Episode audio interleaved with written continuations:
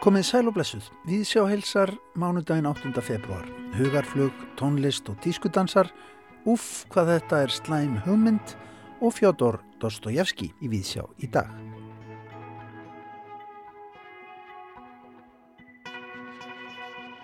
Nú á dögunum var endur útgefin íslensk þýðing Ingi Bjarkar Haraldsdóttur á skáltsugunni Karamazov breðrunum. Eftir rúsneska réttufundin Fjodor Dostojevski þýðingin kom fyrst út á árunum 1990 og 1991 en hefur því miður lengi verið ófáanleg. Karamazov bræðurnir, eitt af stórvirkjum heims bókmentana, kom fyrst út á árunum 1879 og 1880. Þetta var síðasta skáltsaga Dostojevski sem andaðist skömmu eftir að hann lauk við bókina. Gríðarlega áhrifamikið verk, 1200 síður eða svo. Þar sem tekist er á við allar stóru spurningarnar, stærstu spurningarnar sem varða mannlega tilveru, tilvist Guðs, máttins illa og möguleika kærleikans. Gunnar Þorri Pétursson reytar eftirmála í nýjútgáfunni Gunnar Lærði í Rúslandi og hefur lengi verið heltekin af verkum Dostojevskis. Við ræðum við Gunnar í Víðsjá í dag. Í tónlistarhóttinu heyrandi nær leiðir Arljótur Sigursson hugana tónlist sem er sam ofinn nokkrum tískudönsum sem að náðu fótfestu víða um veröld hér á árum áður.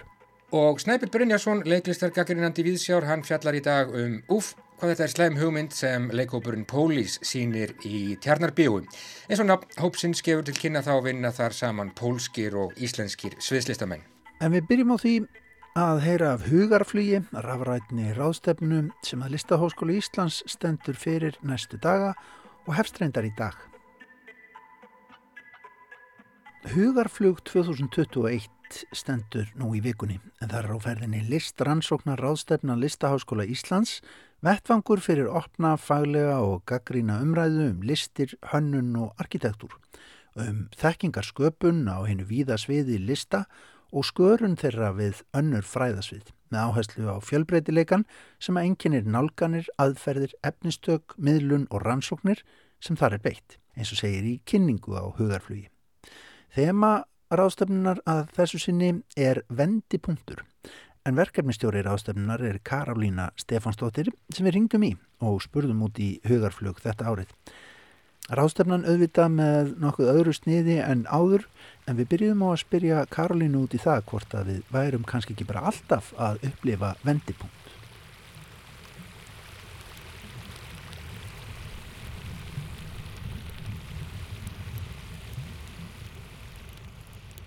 það er alltaf vendipunktur en það er kannski meiri vendipunktur núna í svona alþjóðlegu samengi.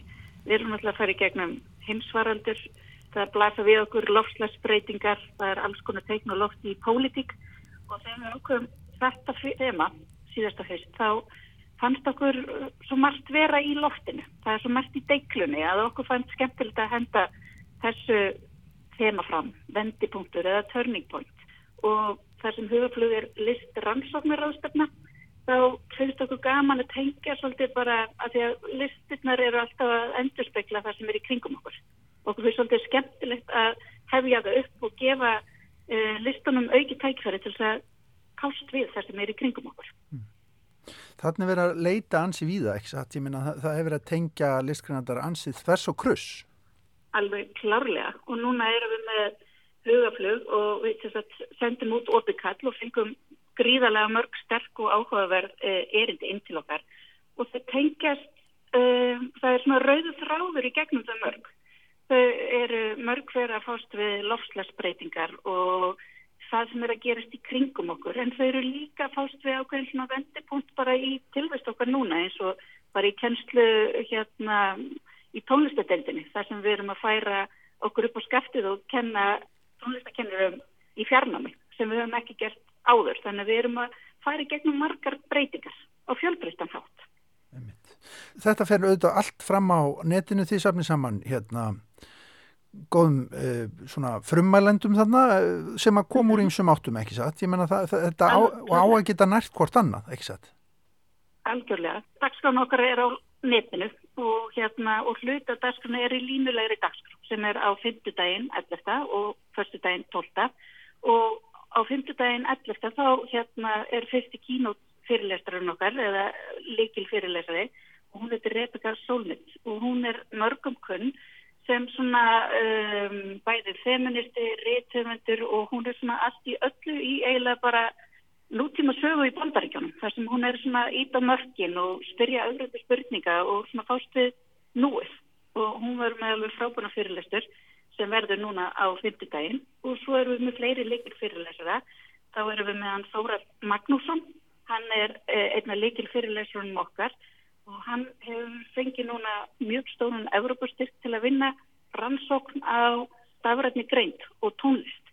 Og hvernig uh, snjálftæki eða tónlist getur verið samin með gerðigreint og hann er svona að spyrja kannski bæði heimsbyggilegra spurninga kringu þessar rannsókn og bara svona aðtöða hvernig tækin geta nýst okkur sem aðstof í sköpun en þau kannski taki ekki frá okkur sköpunar elementið annar kínót sem við erum með uh, heitir Bonaventure so Beijing Kund, ég kann ekki alveg að berja þetta fram uh, þetta er maður sem starfar í Berlin og hann er líftæknifræðingur, doktor á því sviði en hann hefur haslað sér all í síningarstjórnum og hefur verið að um, stýra mjög svona áhugaverðum síningum meðal annars finskarskjálanum á tíæringnum og fleira og hann verður spjalli á förstu deginum líka við hann að hannu styrmistóttur síningarstjóra. Mm. Þú segir 50 dagur og förstu dagur þeir verða hjá okkur svona í bara línulegri dasgráð mm. þannig séð. Hvernig er best að Já. nálgast efni, efni hjá okkur á, á hugaflug? Hugaflug er á netinu og það herst 8. februar á mánudeginum og það eru heilmargir viðböri sem eru aðgengilegir alla vikuna. Þegar línulegum dasgráðlegum þegar þeir hafa verið sendir út, þá eru þeir bara aðgengilegir á heimasíðun okkar, hugaflug.lae.is og þeir vera aðgengilegir alveg til 14. februar, þannig ef maður hefur ekki tjöka á því að henda sér í hérna, menninguna og listurnar, þá getur maður hlustast á kvöldin eða um helgina. Sko, hugmyndi með svona ráðstöfnu, ég menna hún hún á að ná langt út fyrir skólan ekki sagt, þið eru það að reyna að ná til fólk sem bara á ymsum sviðum í samfélaginu, þess vegna inn í já, viðskiptarlífi og bara menningu í víðasta samhengi, ekki sagt?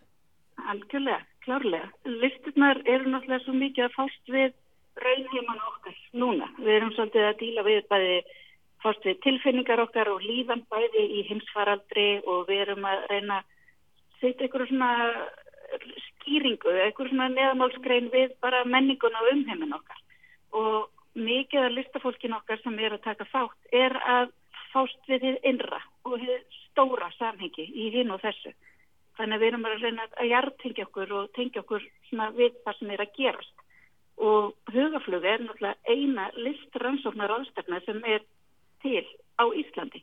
Þannig að þetta er vettfangur fyrir all listafólk til þess að sína hvað það er að fórst við og segja frá rannsóknum sínum og koma þeim út. Og hugaflug í ári mjög áhugavert að við erum ekki bara með starfsmenn listaháskólans, við erum líka með nefnendur, við erum með fyrirvændi nefnendur, útskrifaði nefnendur og við erum með uh, hérna, heimsbyggjiprofessora sem eru samstarfið við Höndöf, Sigri Þorgers og Katrin Ólínur. Uh, við erum með fullta fólki sem hefur, er bæði að kenna í mentavísindasvið Háskóla Íslands og er kannski í doktorsnámi eða er fastræðu fólk. Þannig að við erum svona að skarast við ymsar greinar. Þannig að maður segja að hugaflög sé kannski svolítið bland af listsköpun, listransók og þverfæleika við önnur fög. Þannig að þetta er ákveðið samtal og svona glukki út á við. Þetta hljóma vel, hver veit hvert hugmyndirna fljúa þegar það er fara á flug? Já, það er alveg klart mál og, og það er verður á mörgu að taka og margt skemmtilegt sem er hægt að skoða og það verður bara frábært ef flestir mennir fara inn á hugaflug.lhi.is og eiga góðan dag með listunum. Hvetjum fólk til þess Karolina Stefánsdóttir, takk hjálpa fyrir spjallin. Takk að sem við leiðist.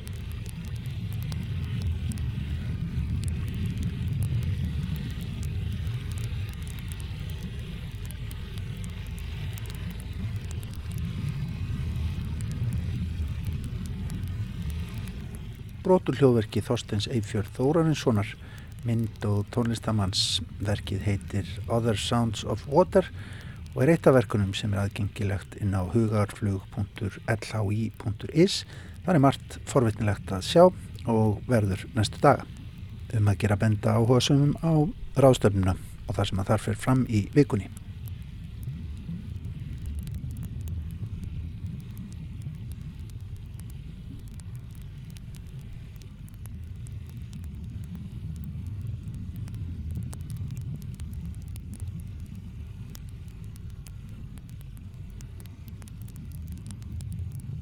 En þá likur leiðin í leikús Snæbjörn Brynjarsson. Íslenskur leikari reynir að læra pólsku með Duolingo. Pólsk improvleikona leitar að ást. Pólskan kokk á skál dreymir um að komast í sjónvarpið. Þessar þrjár personur mættust á sviði í Tjarnabíó 5. daginn 4. februar þegar verkið Tsosa Poronjoni Pomish, uff hvað þetta er slæm hugmynd, var frumsýnt. Verkið fer fram að mestu á pólsku og er tekstað á ennsku, en listræna teimið í kringum hana er þó að mestu íslenskt. Það er Salver Gullbrá Þórarinsdóttir leikstiði, Birnir Jón Sigursson var henni innan handar sem dramatúrg, Þórtís Erla Sóeka hannaði sviðsmynd og búninga og Kristins Mári Kristinsson sáum tónlist. Verkið hefst með því að Ólafur Áskilsson, eini íslenski leikarin í verkinu, stýgur á svið í íslenskum landsliðsbúningi og rekur hvernig hann notar appið Duolingo til að læra pólsku. Það verður að segjast að fáir íslenskir leikarar á íslensku sviði hafa lagt jafnmikla vinnu í eitt hlutverk því pólska er ekki öðvelt tungumál hvorki málfræðilega negi framburði fyrir Íslendika. Í síningunni virðist Ólafur nánast altalandi og þó svo ég hafa ekki pólsku kunnáttuna til að meta hversu vel hann stendur sig þá finnst mér það leiksigur útaf fyrir sig. Karakterarnir í verkinu eru byggðir á leikurunum sjálfum, persóna Ólafs er til dæmis nefnd Óli og er íslensku leikari sem er mjög forvitin um pólska samfélagið á Íslandi. Og þetta sviðsvirk er mjög áhugavert tilurönd til þess að opna þann heim fyrir þeim Íslandingum sem ekki þekkja til hans eða Chikave eins og Óli myndi eflust orðaða.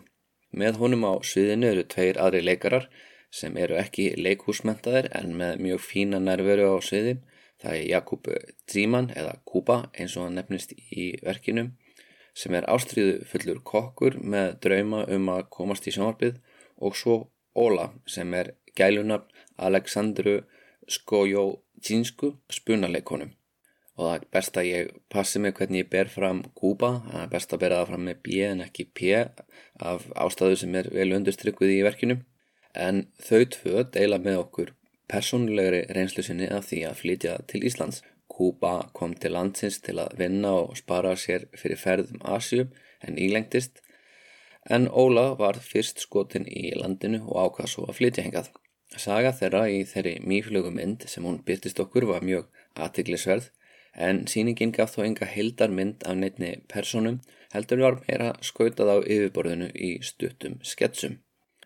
Að vissu leiti minnir verkið úf hvað þetta er slæm hugmynd á Polishing Iceland. Polishing Iceland var sínd síðasta vetur og var töluvert drungalegri og dramatískari. Í báðum síningum var blanda af atvinnu og áhuga leikurum af pólskum og íslenskum upprónum, þrjú á sviði, tveir pólverjar og einn íslendingur að lýsa þeirri reynslu að flytja til Íslands. Ólíkt Polishing Iceland er úf hvað þetta er slæm hugmynd þó gamanverk. Það er aðteglisvert við þessar tvæ síningar að það er sína að það er þörf fyrir sögur um nýtt samfélag, pólskumælandi á Íslandi og að setja samruna tveggja menningar heima, samskipti íslenskra og pólskra vina og reynslunni að því að kynast Íslandi á fullorðins árum í ekkert samingi. Eflaust verða þessar tvær síningar Ekki þær síðustu því það er nægur efni viður og samfélagið er til staðar eins og var mjög augljóst á síningunni. Margir áhórundur af pólskum uppruna voru í salnum og tóku þátt í síningunni með því að skjótin bröndurum og hlæja á augnablikum þar sem ekki var augljóst fyrir íslenskan áhórunda sem fylgist með enska tekstunum hvaða nákvæmlega væri svona fyndið. Bestu hliðar leiksýningarinnar voru náttúrulegur sjarmi, kúpa og ólu á sviði, mentaskólalegur húmórin og velhæfnuð söng og dansatriðin.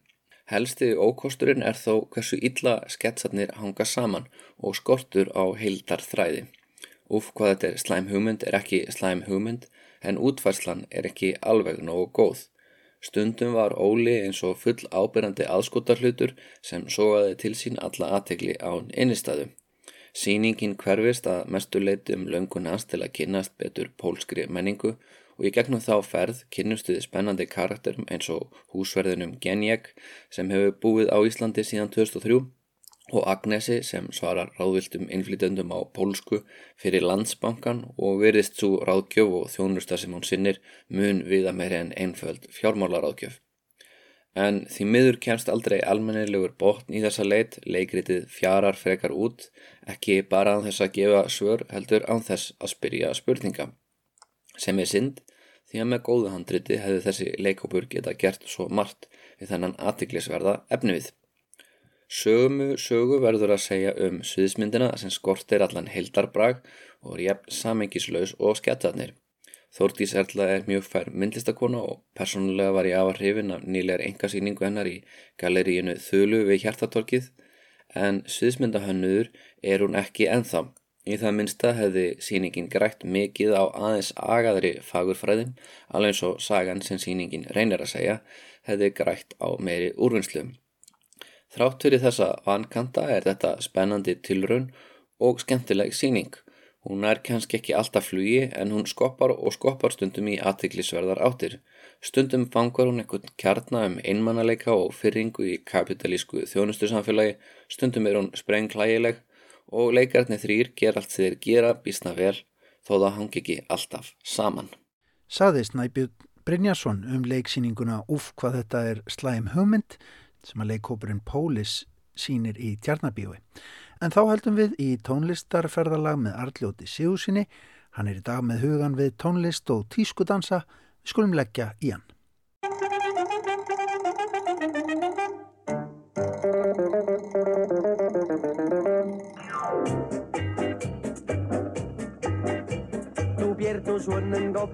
Coppia e e mamma ti minaccia e padre ti s'arraccia. Ti fanno girare capo sti fumette guardando dentro specchio puoi fare il coreador come fanno a Santa Fe come fanno ad Hollywood. E questa scusa in uno studio più oh, torero. Ti si piazzata in capo sto sombrero. Dice che si spagnola in un vero che naccare in da sacca va a ballare mescolando bolerio ciacciacchi un brugliato rero questi basetta sudamericano uno sigaria vane a gamma se le picche torero torero olè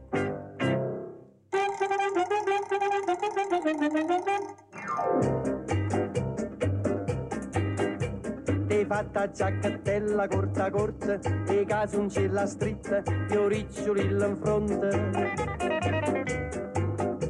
Te rida accendarete non te importa Te sento un Marlon Brando che a spasso se ne va Per le vie di Santa Fe, per le vie di Hollywood. E innamorata tu non te voglio E torero.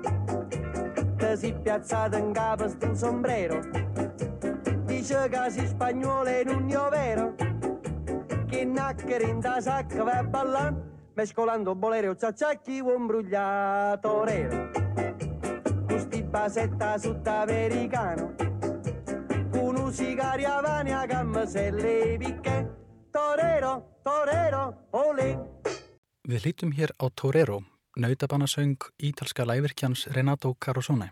Hann syngur um samblöndu bolero og cha-cha svo fólk geti kannski fyllt réttum spórum við lægið. Einnig er hægt að hugsa sér danspur, stilla sér upp sem nöyt og nöytabanni. Auk þess koma Marlon Brando og Hollywood við sögu í textanum. Lægið barst um veröld víða þegar það kom út árið 1957 og var þýtt og endurflutt á 12 tungumál svo ég kemst næst og þar með talið íslensku. Þú kennir ekki gömlum hund að sitja en þú gætir kannski kentunum að dansa. Eflust þekkja margir hlustendur íslensku útgáfana af Torero undir nafninu Amma Húlar í fluttingi Ómars Ragnarssonar við bráðsnýðan texta sinn um hvernig húladansæðið mikla lagðist þert á kynsluðurnar. Staðfarslan er skemmtilega þorrablótsleg en Marlon Brando og Hollywood víkur fyrir tilvittnun í þjóðsöguna um skólaskeið. En húladans er ekki svo nýr af nálinni. Í trúbóði sínu til Eyjálfu bönnuðu kristnibóðar húladans innfætra árið 1820 fyrir réttum 200 árum. Sama ár og Grímur Tomsen, höfundur kvæðisins um skólaskeið, fættist. En þó svo að þinn heitlandi hafæiski húladans hafi illa þórað síðabóðskap þess tíma tókst þessu dansbanni ekki að stöðva útpreyslu húladansins betur en svo að á Íslandi hafa ömmur húlað í meira en halva öld.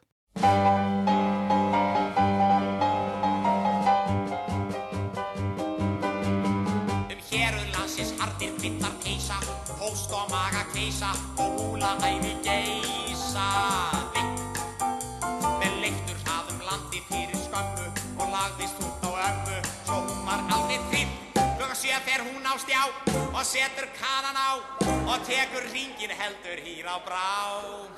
Og húlar, húlar eins og húlar, klár og húlar.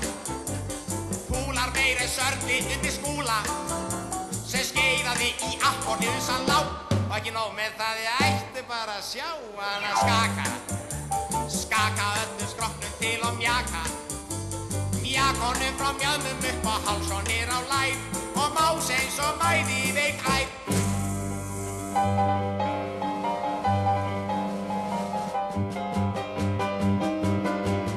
En ömmu gömlu ekki nægir þetta Hún á sér þarf að létta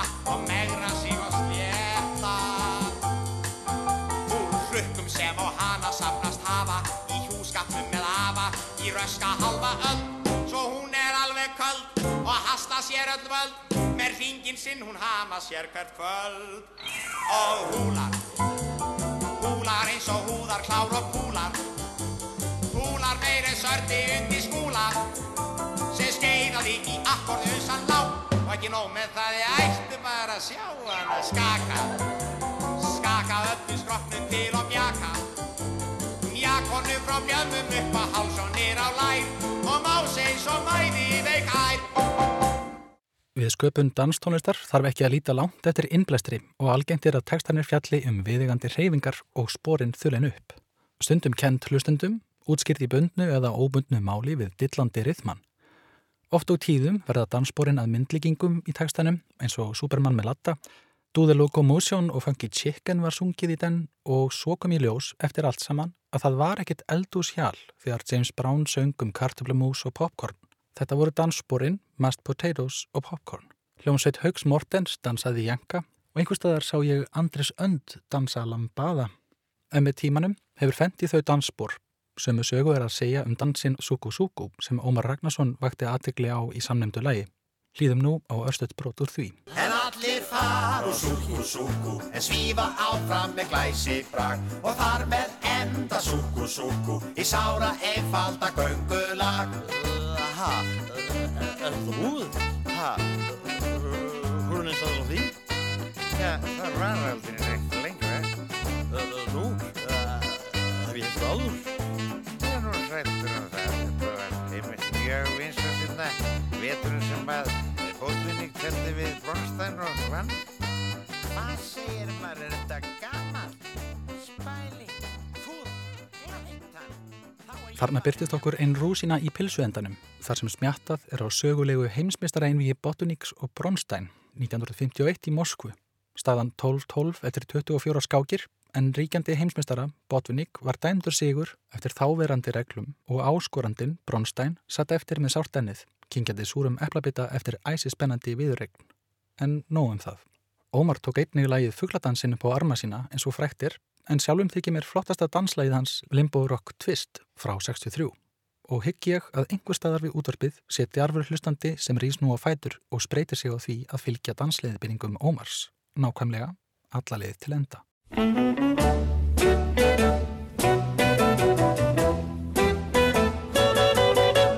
Landsins æðri ómenning í öldudal hefur vist Það er alltof mikil einhæfing að dansa annarkort rock eða twist. Limbo rock og limbo dans loks fá andátt blít. Því aðal mál hvers æskumanns er að heimta nýtt. Vísindamenn hafa stýta stríð og starfið hefnaðist. Þeir færðu öllu á ný og út kom limbórokkist.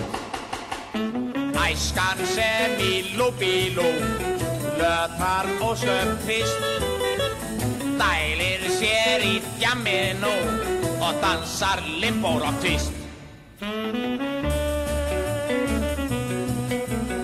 Einn, tveir, þrýr, fjóri, vinstri, hægri, vinstri, hægri, tista, tista, þetta, þetta, fram með magan, ekki þetta, nýð í njánum, eigur tánum, rokka, rokka, neðar, neðar, undir rána, a, a, a, ekki styðja, tja, tja, tja, líkamstungan, læri, læri, laus á milli, vinstra og hægri, limbo, rokk og djút og tvist, teia, hæl og slappa rist, snúa vekk og vörum slaka, vinstra og hægra og fram tilbaka, tungan í höfðinu utarinn, ofar niður með nefnbrotinn og undir rána með maskapinni.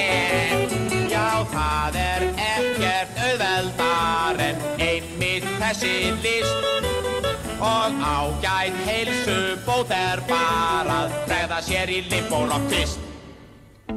Ístrur, hrjáðir, yfgendur geta af sér skapið hrist. Allir bíla eigendur kaupa ódýran limbórokkist. Það eigur hreisti um allt land og hefur engum lækningamátt. Sé það dansa með segunnarband í segul norður átt. Fyrir byrjendur höfum við hér handbókum þessa list. Við sendum gegn póskröfu hvert sem er krassandi limbórokkist. Við sendum gegn póskröfu hvert sem er krassandi limbórokkist. Sendum í postkröfu hvert sem er krassandi limborokk tvist. Verður það hrakið að með bættri póstreifingu og útvarsveðingu landsins vaksi dansmenning Íslands og Dabni. Tölvuleikir og plötubúðir hafa að minnstakosti þau áhrif. Leið mín lág í plötubúð um daginn þar sem ég var tekin í danskennslustund í formi vínilplötu til engari breykdanskennslu. Á henni var sapnað músík til breykiðkunar og einnig rapkennsla í bundnu máli. Plaggat fyldi með síningardæmum af hinum og þessum spórum svo ekki veri um að villast. Sennilega eru margir breykdansarar úr fyrstu bylgju breykaðisins búin að eignast barnabörn núna og maður veldir því fyrir sér hvort að breykkynsluðin sé orðin að öfum og ömmum en að gera vindmilur og snúa sér á haus. Hello everybody in the east and the west and here to check you out. Your teeth to test to find out if you're ready for somebody pop. And there's a break dance listen for when you're night clubbing. If you take the time to listen to me good and do the movement the way you should, you'll be able to move with the best of the shakers, known as the New York City Breakers. All right, everybody, let's have some fun. Let's break together to the rise of the sun. I know you know what breaking's all about, but if it slips your mind, I spell it out. Start with moving your arms and letting them rock, just like you received an electric shock. Let the current flow through your joints like you put your finger in a powered point. Then what you have to do is make things shake. But there's a few remarks I'd like to make. Divide your arms into three parts, them separately, but you gotta be smart. The upper on your wrist and naturally your hand got to be shaken apart. Understand? Don't worry about a thing. There's really nothing to it. All you gotta use is your disco fluid. Alrighty, here we go. We've been playing around, but more than enough. Come on get down. I want you to put your right arm astride, stretch it, keep it level, and let it guide. Not too high, too low. Keep it right on there. Let your arms form a line with your shoulder. Oh yeah. Apart from this, put the palm of your hand in a flat position. Let's rock, my man. Give your elbow a twist. On that I insist. This is one dance lesson you won't wanna miss. Come on. Gjörvalt mannkinn verðist neitt til dansiðkunar og söngva. Í dag er vist frjálsræði sem ríkir á dansskólfum og yfirleitt dansar hver á sinn veg. Það gerist æsjaldnar af því er virðist að samhæður dans komist í tísku, en þó er ekki öll von úti með vinsældum dansbóra tölvuleikja karaktera úr hinnum geysi vinsælaleik Fortnite og maður spyr sig hvort það sé framtíðin í dansæðum. Í það minnsta auglýs ég hér með eftir síungum ellismellum sem dansa þetta tölvuleikja tjút. Ég ætla nú að hveðja ykkur í byli með upprunalegu útgáfu Topsmells með Lost Del Rio áður en það var sett í blandaran og rýmiksið kendi fólki um heima og geima að dansa Macarena. Heyrandi nær þakkar hlustir þið kunni spórin.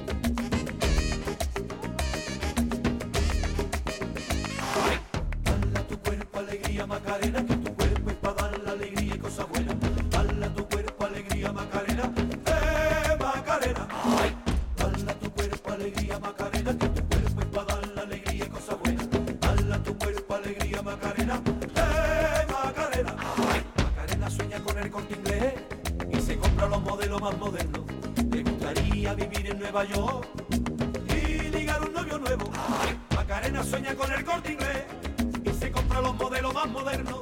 Le gustaría vivir en Nueva York y ligar un novio nuevo. Dale a tu cuerpo alegría Macarena,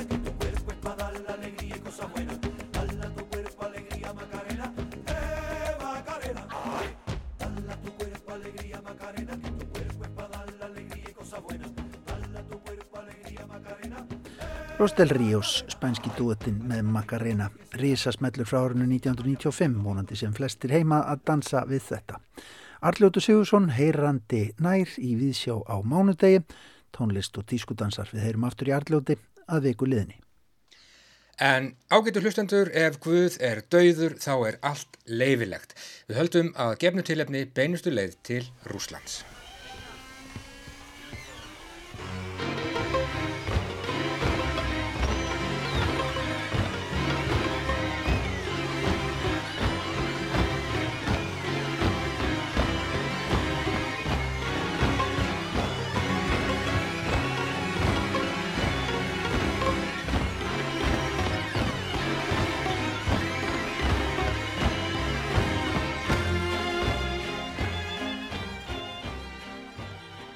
Þótt yður auðnist ekki að höndla hamingjuna skulu þér alltaf minnast þess að þér eruð á réttri leið og reynið ekki að víkja af þeirri braut.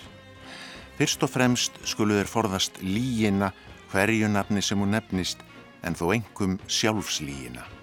Veitið sjálfslíginni aðtigli, horfist í augu við hana hverja stund, hvert andartak.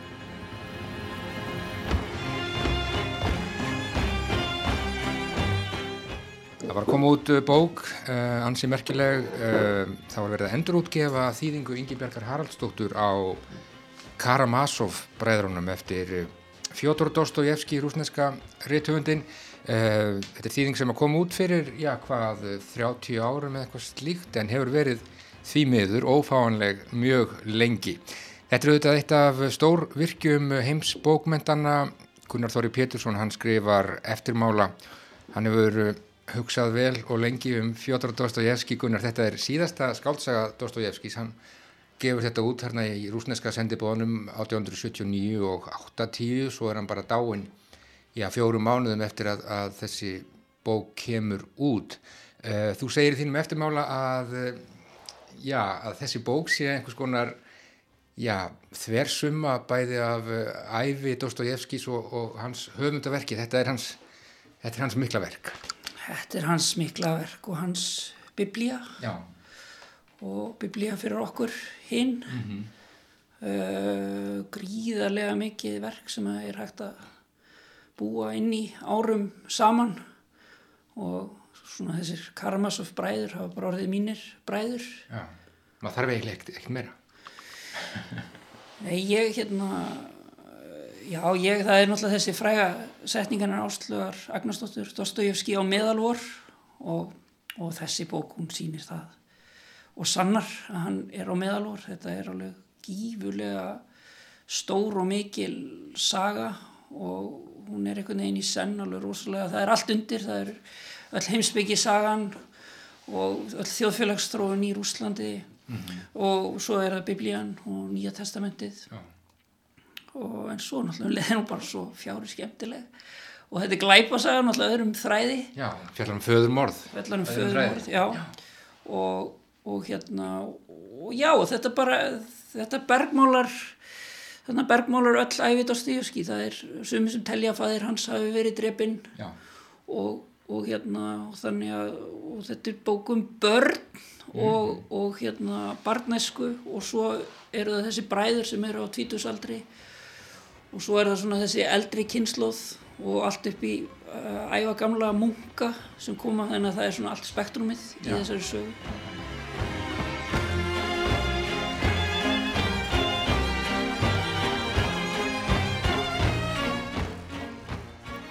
Forðist einnig að vanvirða sjálfa yður og aðra. Það sem yður finnst slæmt í fari yðar mun lagast af sjálfu sér við það eitt að þér gefið í gaum. Forðist óttan, þótt óttin sé ekki annað en afleiðing líginnar í öllum hennar myndum. Verið ekki rættar þótt kjarkleysi tefji yður í leita kærleikanum. Óttist ekki einu sinni yðar eigin miskjörðir þegar svo stendur á. Mér þykir leitt að geta ekki sagt neitt ánægulegra við yður, en sönn ást er grimm og ógnveikjandi í samanburði við draumóra. Draumóramadurinn sækist eftir fljót unnu afreiki í allra auksín.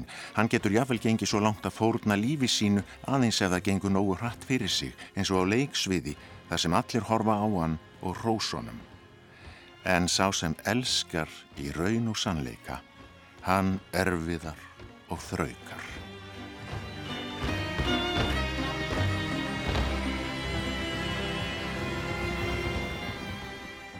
Sko hann er að skrifa um, uh, hann er að skrifa um Guð og hann er að skrifa um frjálsan vilja og þetta er heimsbyggileg skáldsaga mjög og einhvern veginn finnst manni að allar stæstu spurningarna liggi einhvern veginn undir í þessari bók. Já, það er rétt. Og, og þetta er ótrúlega setningar eins og Ívan segir, það er ekki Guð sem ég afneita, ég er bara að skil honum aðgöngu með hannum mínum Já. með fullri vinningu vegna þess að hann neytar að taka í sátt sköpunarverk þar sem að börn þjást. Og Dostoyevski var í raun búin að vinna uh, forvinnu aðsögu sem átt að fjalla um börn á munaðlýsingarhælum í Rúslandi og hann var mikið búin að rannsaka þetta efni. Já. uh, og þjáningar sem börn uh, þurfa að gangi í gegnum. Og svo sagt lendir hann í þessu að hann eignast lítinn strák sem að deyr úr flóveiki sem að var sjúkdómi sem að hann var sjálfur að byrjast með Já. Það er bara 30 ára gammal þegar Dostoyevski er að byrja að skrifa söguna. Já, og þá sagt er hann gerðslega óhugandi og konan hans stingur upp á því að hann leiti í klaustur Já. uh, Optína Púsin sem er sko um, svona goðsannakent klaustur í Rúslandi það sem Tolstói og Turgenev og margir leituðu ráða Já. og hann fer þangað og með ungum dölsbyggingi Solovjov og, og þegar hann og á leiðinni kemur hann við hjá útgefanda og segist vilja skrifa skáldsögu og, og gera þetta að fá fyrirfram greiðslu því að hann var alltaf blankur. Og, og hann þurfti svona þessa pressu til að koma sér að stað. Hann fór ekki í gang sko fyrir hann að það var búið ít og rekk. Og, og hann sem hann sem sagt byrður um þessa fyrirfram greiðslu og veit að ég reyna ekkit hvað hann ætlar að skrifa um og hérna en svo þannig í þessu klustri að þá þá kjarnast þetta einhvern veginn fyrir honum að og hann verður náttúrulega, hann horfir á þennan unga dulsbygging Solovjov sem er með honum og, og, og, og hugsaður um svon sinn sem að deyr svona ungur og úrverður Aljosja, yngsti yngsti Karmasov bróðurinn sko. Þetta er ótrúlega magnar personur þessar bræður og, og kallinn faður þeirra sjálfsögðu líka. Og þeir eru svona um, náttúrulega ólíkir uh, það er Alosja þessi, þessi yngsti sem er svona sálin er það ekki Jú. Ívan miðjubróðurinn sem er hugurinn ótrúlega gáfaður og þú beinir nú sérstaklega sjónum að honum í þínum eftirmála og svo er, svo er það Dimitri sem, er, sem getur verið hjartað Já, já, já. E, já, Dimitri, hann segir sko e, þessa frægusetningu hérna, að hérna Guðudjöllin berjast og vettvangurinn er hjörtumannana Mhm. Og hann er þetta hjarta, hann segir líka maðurinn er og breyður, allt og breyður, ég verður að hafa hann þrengri. Að því að hann í raun skinjar, hann er þetta sensualitet e, og hjartað í okkur öllum. Og, og, og, og hérna og hann hefur svo mikla tilfinningar. En um leiður hann svo breyskur. Þannig að um leið og eitthvað fyrir úrskýðist þá beinast alltaf spjótin á honum. Mhm. uh, en Ívan er svona þessi kaldi hugur á yfirborðinu sko sem að og hann er sko hann er gá, gáðasta persóna sem Dostoyevski skapaði nokkuð tíma og er ríthundur hann náttúrulega skrifar svona sögu inn í sögunni sem heitir Rannsóknundómari mikli. Og það er nú eiginlega bara einhver almagnaðasti texti sem til er í vestrænum bókmyndum. Og, og hérna og þar færir hann eiginlega rök gegn ekki gegn kannski því að Guð sé til heldur bara gegn þessu, þessu, þessu, þessum heimi sem Guð hefur skapað og gegn Jésu Kristi. Og hann segir að þau, og Dostoyevski sagði sjálfur að rökin sem Ívan kemur með eru óhrekjandi. Þannig að þau gengur þvert á hans eigin túar sannfæringu en eiga síður skapar hann karakter sem að já, gengur þvert á hans skoðanir en rökans eru samt svo sterk að höfundurinn sjálfur var það viðkjanna þau væri óhrekjanleg Mhm. og margir telja að þetta sé í raun hinn lindi hinn linda skoðun Dostoyevski. D.H. Lawrence til dæmis Mhm. sagði það bara, skrifum það á dána beði hann hefur verið að velta þessu fyrir sér alla æfi og þetta væri hans niðurst að, að, að hérna já hafna Guði og hafna Kristi Já. Þessi setning eh, ef, eh, ef Guður döður þá er allt leifilegt þetta er setning sem að stendur reyndar ekki í þessari bók eins og þú bendir á í þínum, þínum eftirmála en, en setning sem að kannski hún einhvern veginn svona lúrir, lúrir þarna undir og, og þessi hugsun hefur náttúrulega haft gríðarlega mikil áhrif bara til dæmis á heimsbyggi 20. aldar eh, existentialism og fleira Já. Já, ég hérna á sínum tíma þá gerði ég út á státt um Dostoyevski og, og þegar ég satt, fór með þessa setningu þá stoppaði tæknimæður mig og spurði ertu vissum að þetta eigi að vera svona Mhm. og spólaði svo tilbaka og þá hefði ég sagt ef Guð er döður þá var allt leiðilegt eh, en ef Guð er döður er allt leiðilegt er svona eins og setningin Play it again Sam Já. í Casablanca Mhm. að hún er aldrei sögð Nei. í verkinu Nei. en þetta er setning sem við búum til af samenginu og Dostoyevski var náttúrulega snillingur í þessu að hann er með þessa miklu sögu Karmasbræðina og, og hérna en hann lætur hana umsögulust í hendunar á sögumanni sem er gersamlega ófær um að segja söguna. Einhver maður úr þorpinu sem að hefur þetta meira og minna afspurn og, og í gegnum einhverja þriðju aðila og svo framvegs og þannig tekstunum að búa til svo frjóa merkinga möguleika að því að hvað verður til í þessu bili á milli sko orðrómsins og þessi mögulega gerðist. Já, og, og þetta er í raun munurinn á sko að mínu viti á heimsbyggi og bókmyndum að, að, að bókmyndir fjalla um þessa hugsanlegu möguleika. Mhm. var ekki Kundera sem að sagði að- að bókmyndir eru leiðir sem að mér buðust en sem ég tók aldrei. Og það er svona svolítið það sem að maður verður að hafa í huga með þessa bók að því að Nietzsche les hana og hugmyndin um, um döða Guðs er hann er þegar komið með hana en hugmyndin um eilífa afturkomið hins sama Já. er Nietzsche ekki komin með en það er djöfullin í, í Garmasubræðinum sem kemur með þessa hugmynd um hérna eilífa endurkomu og náttúrulega Nietzsche hann var gersamlega dolfallin þegar hann las uh, Dostoyevski að Dostoyevski verið eini sálfræðingurinn sem hann myndi taka marka á og, og hérna en munurinn á eins og ég segi heimsbyggilegri framsetningu og bókmyndalegri framsetningu er að þú lest bókmyndatekstan aftur og færði eitthvað allt annað út úr honum. En það er innbyggt inn í hann þessi þessi hérna uh, þessi margbreytun þessi, þessi margbreytilegu möguleikar. Og, og það er það sem að gerist með þessa þrjá bræður að þeir eru svona sp- speglar fyrir hérna ákveðna bara prótó eiginleika í okkur sem Já. manneskjum og svo tekur þú því með ólíkum hætti hvernig á hvað aldur skeiði og í hvað ástandi þú lest karmarsbræðina, hvernig þú samsamaði við þetta? Nákvæmlega. en já, en, en sagt eh, Ívan kemur með þessi, þessa hugmynd um að ef Guðuður þá er allt leifilegt hann hefur skrifað greinar um Guðleysi. En í raun er, kemst svo aljósi að í þegar hann talar við hana, hann trúir á Guð. Það er ekki það er, hann er ekki að hafna guðan hann er að skila, honum aðgöngum með hann sínum nákvæmlega. og þetta verður náttúrulega svo rosalega stert inn í þetta þetta, þetta er svo sterk bók þetta er ekki grunnbók varandi þess að svona guðlösa nútíma sem að við lifum í og hvernig maður mögulega getur fóta sig í honum Mhm.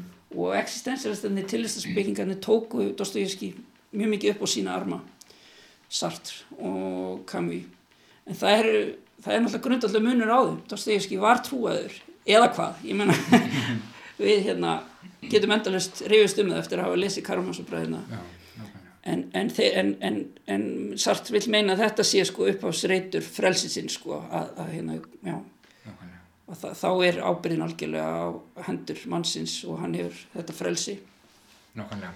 Sko þessi bók hefur haft auðvitað gríðarlega áhrif á Albert Einstein, á Wittgenstein, á Heidegger, Kafka las þessa bók, um, James Joyce, William Faulkner, uh, Oran Pamuk, uh, tyrkneski réttöfundurinn sagði bara hreinlega að þessi bók hefði gjörsamlega breytt lífans. já já, þetta er bara eins og ég segi þetta er svona biblía nútíma bókmynda Mhm.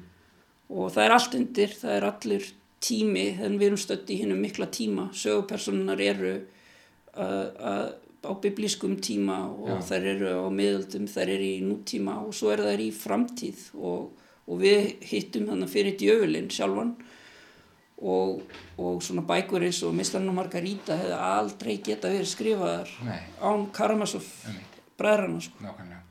Bara svona undir lokin Gunnar, þú fóst ungur til, til Rúslands, til Pétursborgar og, og Moskvu og, og lagðir það á því að læra, læra rúsnesku og ert búin að hugsa mikið og vel og lengi sérstaklega um Fjóður Dostojevski. Af hverju, af hverju Rúsland og af hverju rúsnesku bókmyndir? Hvað rak þig?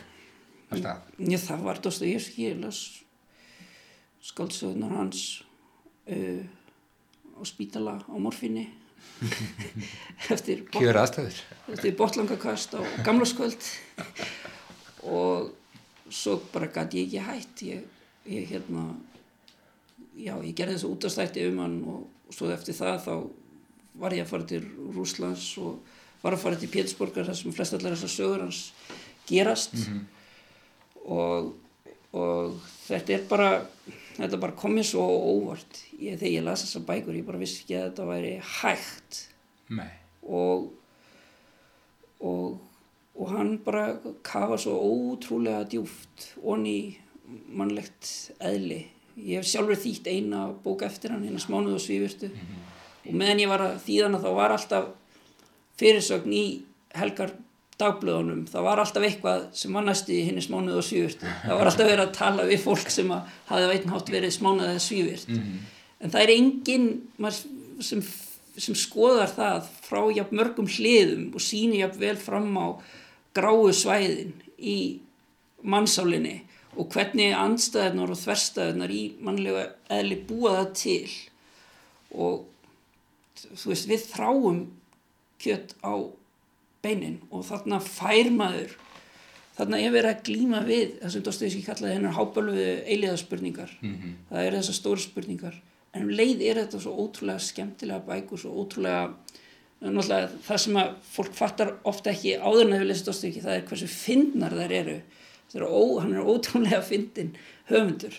Og hann er sjálfur að skrifa fyrir tímaritt þannig að hún er mjög umhugað um það að halda lesandanum við efnið og, og hérna hafa sko, skilja lesandan eftir á bjarbrúninni eftir hvert kabla og, og já og, og mér finnst einhvern veginn komið tími til þess að endur útgefa þessar þýðingar hennar Ingibjörgar.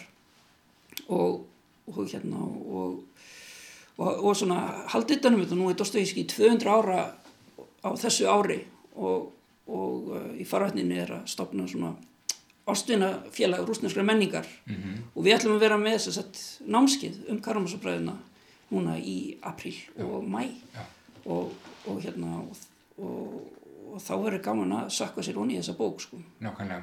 Fylgjast með því hér í Viðsjá en uh, Karamazov bræðurnir, uh, þýðing Ingibjörgar Haraldsdóttur komin út, endur út gefin bók sem skrifuð var uh, kom út 1879 og 1880 bók sem hefur haft gríðarleg áhrif og er gjössanlega stórkostlega og bara einu af þessum bókun sem allir held ég verði að lesa Gunnar Þorri Pétursson, takk kellaði fyrir spjallið og við höldum bara áfram að lesa Dostojevski og höldum upp á ámælið árið 2021 Takk.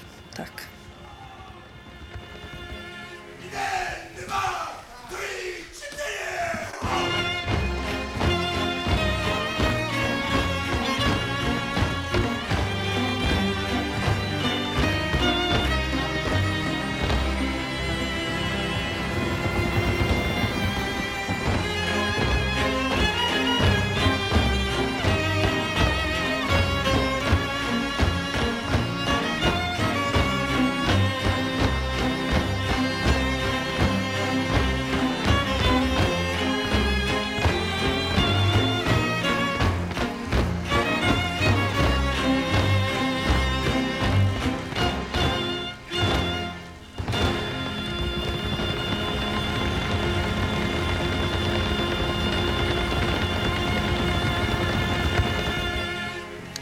Já, Guð og djöfullin berjast og vettvangurinn er hjörtu mannana hábölvaðar eiliðar spurningar hjá rúsneska rítvöndunum Fjótor Dostojevski.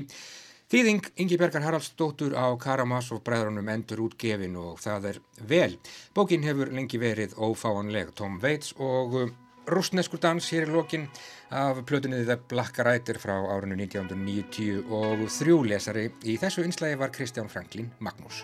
Og svona ljúkum við við sjá að þessu sinni í Rúslandi 19. aldarinnar eins og framkom í spjalli Eiríks við Gunnar Þorra. þá eru 200 ár á þessu ári liðin frá fæðingu þessa mikla reytöfundar Fjódors Dostojevski. Hann fættist í Moskvu 11. november 1821 og við munum halda upp á afmælið hér á Ráseitt meirum það síðar. En við segjum þetta gott í dag, við sjáum hér aftur á sínum stað á morgun, löst eftir klukkan fjögur. Takk fyrir samfélgin í dag. Verið sæl.